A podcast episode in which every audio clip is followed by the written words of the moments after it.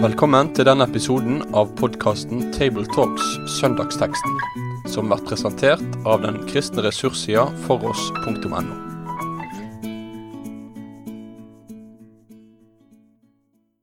Velkommen til denne episoden av Tabletalks. Rundt eh, bordet i dag sitter Reidar Valvik, professor emeritus ved MF vitenskapelig høgskole. Og Jorunn Sjåstad pleier å være med oss, men hun er på reise. Og her sitter Kristoffer Hansen Ekenes, prest i Rynberget menighet i Oslo.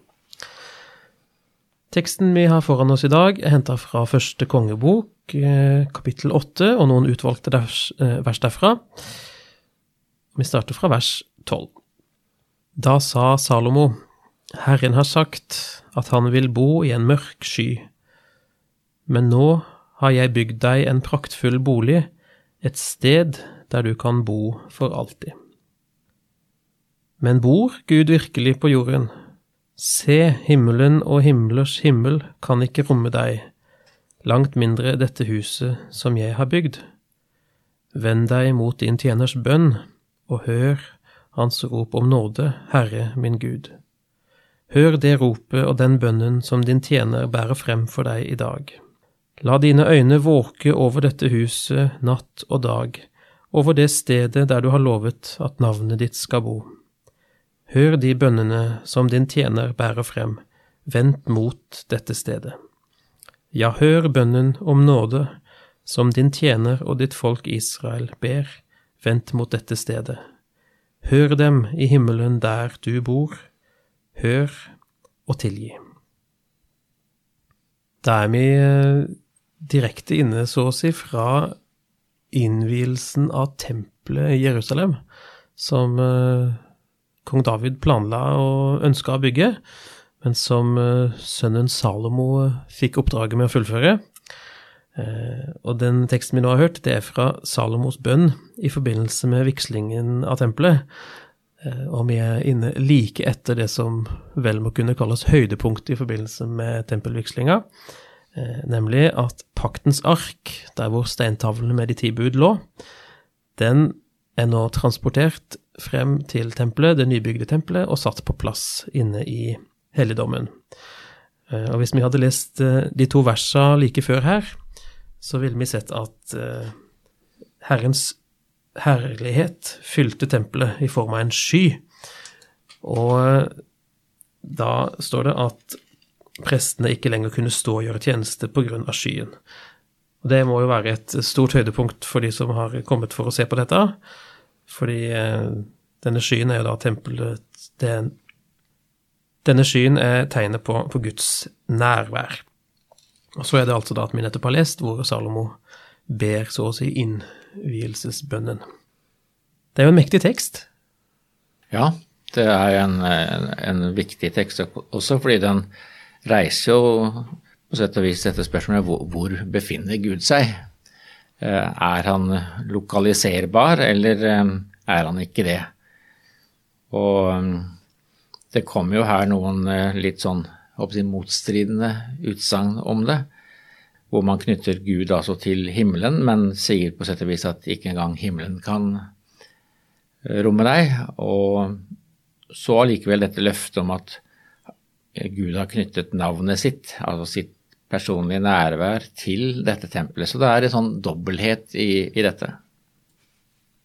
Og når Salomo begynner med at Herren har sagt at han vil bo i en mørk sky, så leter man vel egentlig litt forgjeves etter å finne en belegg for akkurat at Gud har sagt dette. Um, men vi ser jo i flere gammeltestamentlige tekster at uh, Guds nærvær altså er uh, knyttet til en sky. I forbindelse med lovgivningen på Sinai så står det jo at um, Moses nærmet seg den tette skodden hvor Gud var. Eh, det betyr altså at man har eh, flere ganger koblet denne skyen som et uttrykk for Guds eh, nærvær. Og det er vel et uttrykk for at Gud ikke lar seg se. Altså, det er jo en viktig sak i Det gamle testamentet. Ingen har noen gang sett Gud. men altså fordi han skjuler seg i, i denne skyen. Der kommer kanskje ordet mørk inn i forbindelse med skyen, at det er noe et eller annet sånt uopplyst og nærmest usynlig over det. En mørk sky skjuler ting bedre enn en lys, ja. naturligvis.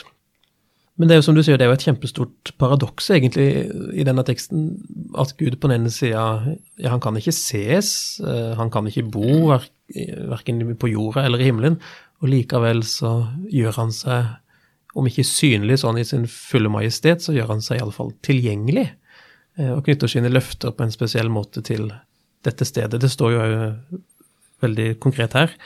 Eh, over dette stedet der du har lovet at navnet ditt skal bo.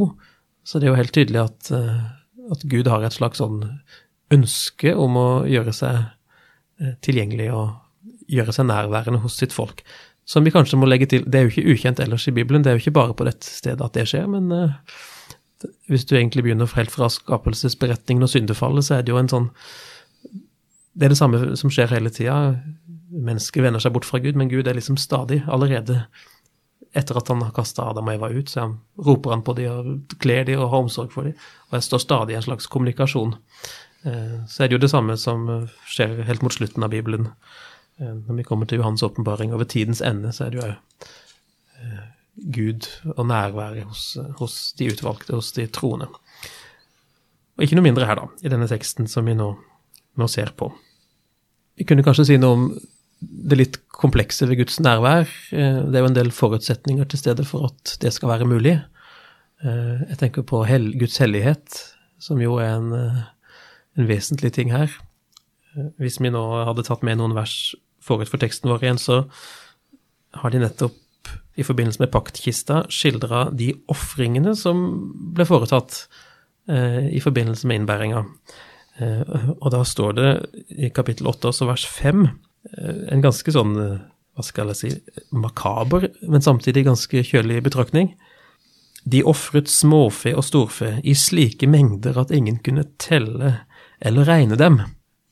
Og ofringene kjenner vi jo til, det, det handler om eh, soning for synd. og Sånn sett så er det vel de ofringene her som gjør Guds nærvær gjennom paktkisten, gjennom skyen og i tempelet overhodet mulig. Og enda mens han var der, så var liksom adgangen til det aller helligste veldig begrensa, eh, nettopp pga. Guds hellighet. Ja, I den sammenheng så tenker jeg at det er en annen tekst som på sett og vis kaster lys over det, nemlig Jesaja 6.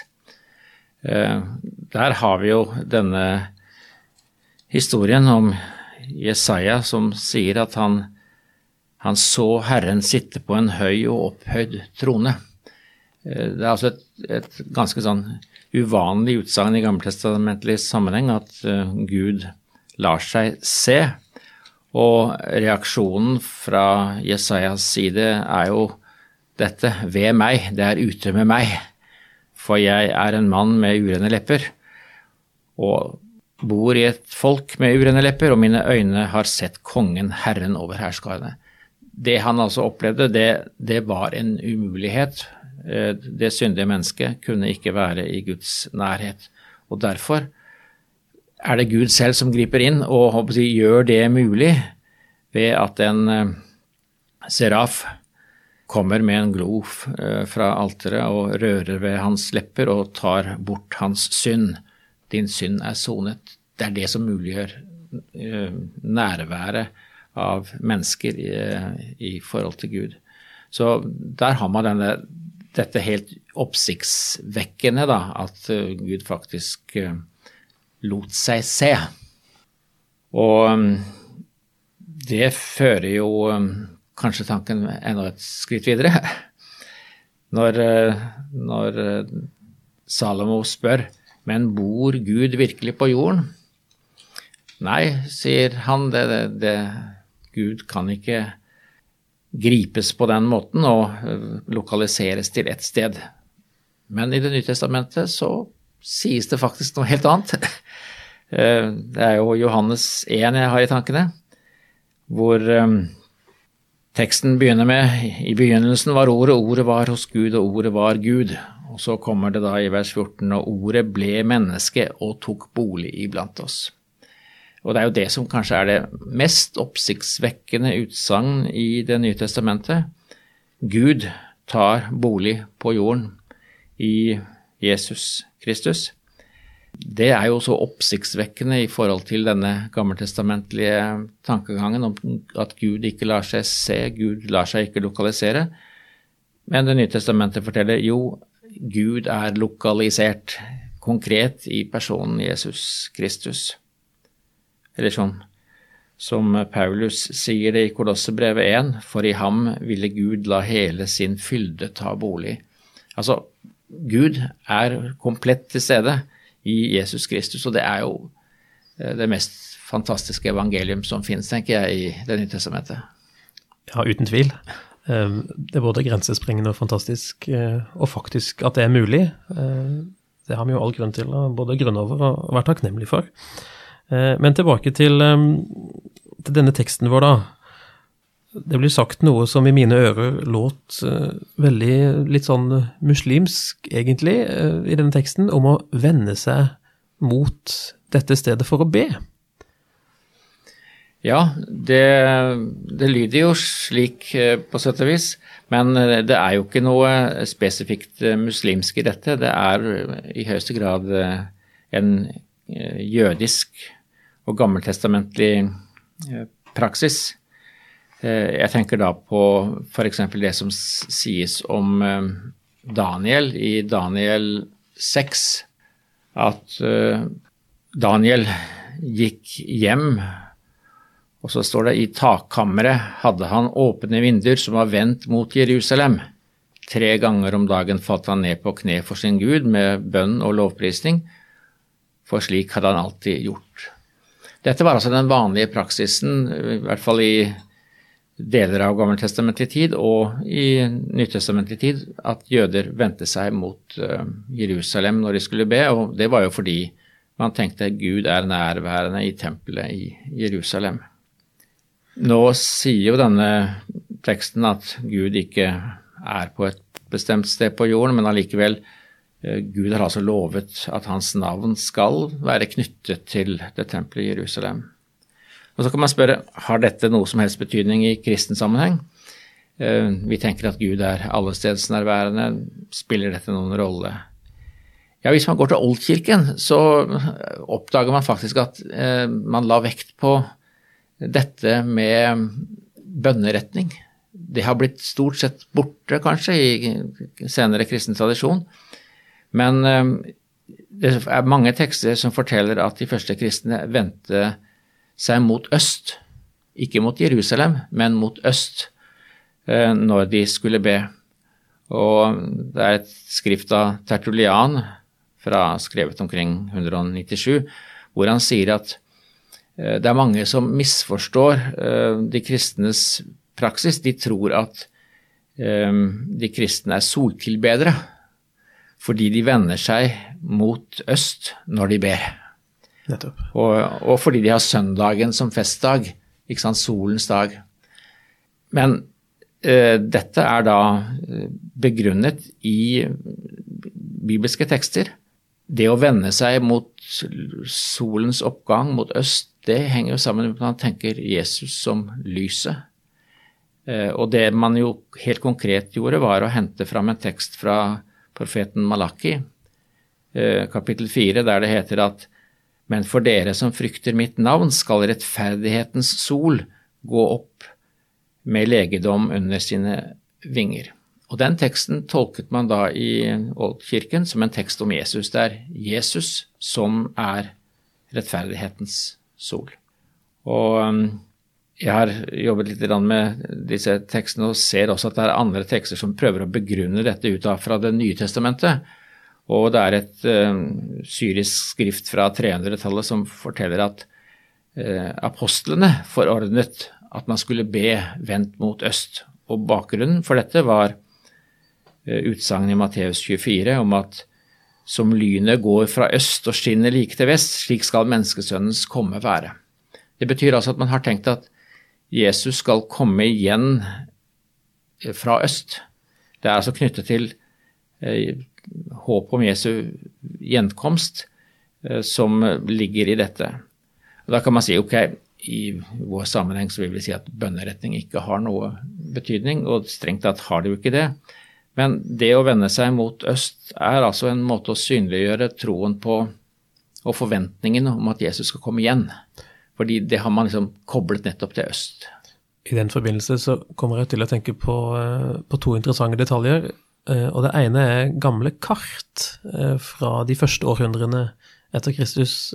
De er veldig ofte ikke orientert nord-sør, sånn som våre kart.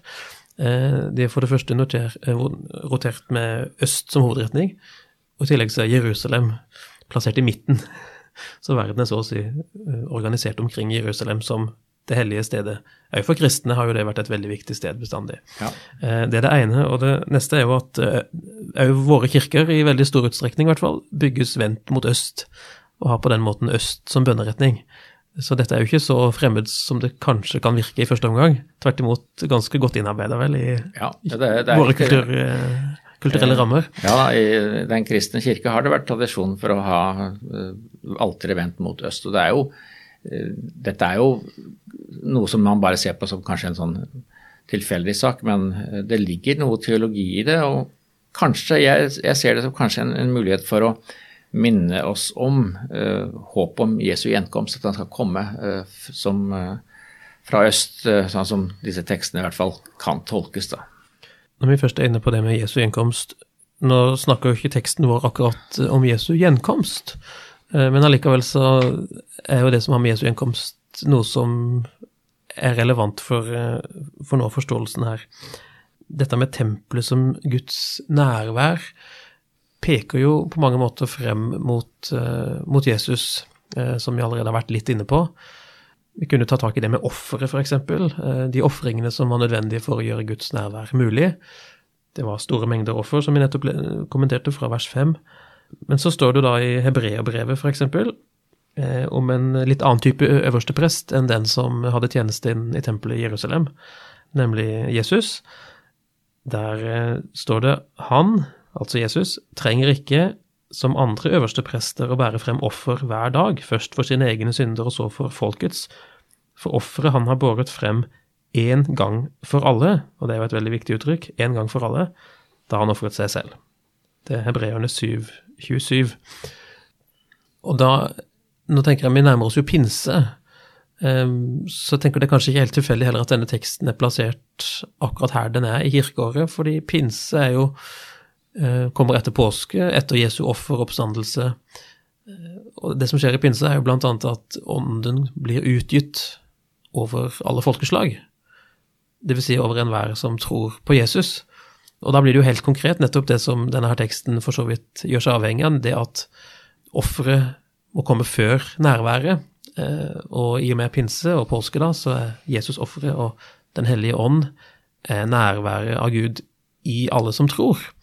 En slags sånn ekstremt desentralisert tempeltjeneste, nærmest, som vi også kan lese om i en av lesetekstene for dagen, fra Efeserne 2.20-21. Den kunne vi jo slå opp, for der blir det sagt veldig, veldig klart det jeg nå snakker om. Der står det fra vers 20 i kapittel 2 hos Efeserne. Dere er bygd på apostlenes og profetenes grunnvoll med Kristus Jesus selv som hjørnesteinen. Han holder hele bygningen sammen, så den vokser til et hellig tempel i Herren. Og i ham blir også dere bygd opp til en bolig for Gud i ånden. Da har du det jo veldig tydelig. Det som på en måte bare var foregrepet på et avgrensa geografisk område, må vi nesten si, i, i den gamle pakt, i tempelet i Jerusalem. Det realiseres nå i den enkelte trone. Og så er jo ikke det heller helt slutten. Eh, for hvis vi blar til det siste kapittelet i, i Bibelen, så kommer vi til Johans åpenbaring 22. Nå hopper jeg litt langt, jeg skulle til det nest siste kapittelet, faktisk, kapittel 21, hvor vi kan lese om eh, den nye himmel og den nye jord. Her er det jo noen veldig interessante ting, for eh, den nye himmel og den nye jord, eh, det nye Jerusalem, skildres jo veldig mye som et tempel. Eh, det er helt klart at tempelet der har, eller byen i Johans åpenbaring, har sterke paralleller til tempelet i Jerusalem. Men så, så blir det jo sagt, da, i, i kapittel 21, vers 22 etter at selve byens konstruksjon er skildra veldig likt som tempelet egentlig i Jerusalem, så står det Noe tempel så jeg ikke i byen. har han nettopp brukt eh, beskrivelsen av tempelet sånn som den finnes i Esekiel kapittel 40 osv., for å så nesten si at det var ikke det, det var noe annet. Så sier han Herren Gud, den allmektige og lammet er dens tempel. Og Dermed så gjøres jo Guds nærvær til en sånn permanent realitet i det nye Jerusalem, som fortsatt ikke er realisert fullt ut, men som enhver troende kan, for, kan oppleve foregrepet i seg sjøl ved Den hellige ånd av Jesus. Eh, så ting veves jo sammen her i et kjempestort perspektiv, egentlig, fra skapelse og syndefall til fullendelsen eh, der fremme. Så lever vi våre liv her midt på den vandringa, egentlig. Og det kaster jo et enormt perspektiv over vår daglige vandring. Ja, du kunne også tatt med eh, i begynnelsen av kapittel 21 i åpenbaringen, som da taler om den nye himmel og nye jord, og så kommer det 'se Guds bolig er hos menneskene'. Nettopp. Han skal bo hos dem, og de skal være hans folk. Og det er klart at denne Guds bolig hos menneskene, den var, som vi snakket om tidligere, nettopp allerede til stede i Jesus Kristus. Og så har vi det, det som du har omtalt, men ikke direkte sitert eh, hos Paulus, når han taler om at uh, den troende er et Guds tempel, og at Guds ånd bor i dere. Det er i 1. Korinterbrev 3 bl.a. hvor han sier dette. Og det viser altså at uh, tempelsymbolikken, den lever videre. Gud tok bolig uh, i Kristus. Han slo opp sitt telt, som det står egentlig på gresk her, um, i Johannes 1. Uh, slo opp slo, altså fikk sin bolig, og så har han også tatt bolig i den enkelte troe, troende ved sin hellige ånd. Hvis vi gikk tilbake til, eh, til, teksten vår nå, så var det dette med navnet. Det har vi ikke kommentert eh, så mye. Guds navn. At navnet er nevnt over dette stedet, eller at navnet skal bo her. Eh, det med Guds navn er jo en litt kinkig sak i Det gamle testamentet, for det var jo Man skulle ikke uttale Guds navn, det var jo hemmelig. Akkurat som Gud var skjult. Det ble sagt her at han ville bo i en mørk sky. Så var jo Guds navn ikke kjent. Det ble alltid bare skrevet som konsonanter uten vokaler i den hebraiske teksten. Så man visste etter hvert nesten ikke hvordan det skulle uttales. Eh, hvis vi nå igjen er Johannes' åpenbaring, så har vi med oss den tanken om at navnet det var skjult. Eh, så kommer vi til eh, Johannes' åpenbaring kapittel 22 og vers 4. Der er vi i fortsettelsen av beskrivelsen av livet i det nye Jerusalem, som altså er en slags tempelby, og samtidig en hage. Her hentes jo paradishagen inn igjen fra vers 2, eh, med, med livets tre osv. Og, så og i vers 4 De skal se hans ansikt, altså Guds ansikt, nemlig det som ikke de kunne tidligere og de skal ha hans navn på sin panne. De skal altså merkes på en eller annen måte med Guds navn, og da er det jo forutsatt at det ikke lenger er skjult, men nettopp blitt åpenbart. Eh, og hvis vi holder sammen eh, flere steder i Johans åpenbaring hvor navnet omtales, så er det klart at Jesu navn og Guds navn eh, er det samme, det er samme sak. Og da er vi inne på den sentrale tanken som fremme flere steder i Bibelen, nemlig at Jesus åpenbarer hvem Gud er. Og det får vi jo se her, da. De skal ha hans navn på sin panne. De skal altså være så å si stempla eller merka med eierforhold. De skal være utvalgte, de skal være hans og tilhøre han. I samme grad som han er deres Gud, så skal de være hans folk. Eller ikke de, vi, som tror, eh, skal være hans folk. Og dette er jo eh, oppbyggelige og, og, viktige perspektiver. Og igjen, alt eh, dette gjøres umulig pga. det ene offeret, og ikke de mange, eh, Jesus Kristus. Da skal vi straks avslutte, men eh, hva er det som er viktig å tenke på når en skal forkynne over denne teksten, da? Det er jo en gammel tekst, testamentlig tekst. Ja, jeg tror vel egentlig mye av det vi har snakket om, viser det. At denne tanken om Guds nærvær, den eh, er jo da i Det nye testamentet helt klart tydeliggjort at det er knyttet til Jesus Kristus. Så eh, man bør nok bruke anledningen til å snakke om Jesus som det stedet hvor Gud virkelig bor og er nærværende, og at han også er da nærværende ved sin ånd i våre hjerter. Jeg tenker det er, det er den nytestamentlige anvendelsen av denne teksten. Det er alltid en fare for å grave seg ned i spennende og for så vidt oppbyggelige detaljer i Det gamle testamentet, men vi må komme oss over i, i det nye. Vi leser det gamle i lys av det nye. Og med det så takker vi for oss, og ønsker lykke til for alle som skal forkynne over denne teksten på søndag. Med det sier vi takk for følget for denne gang. Finn flere ressurser, og vær gjerne med å støtte oss på foross.no.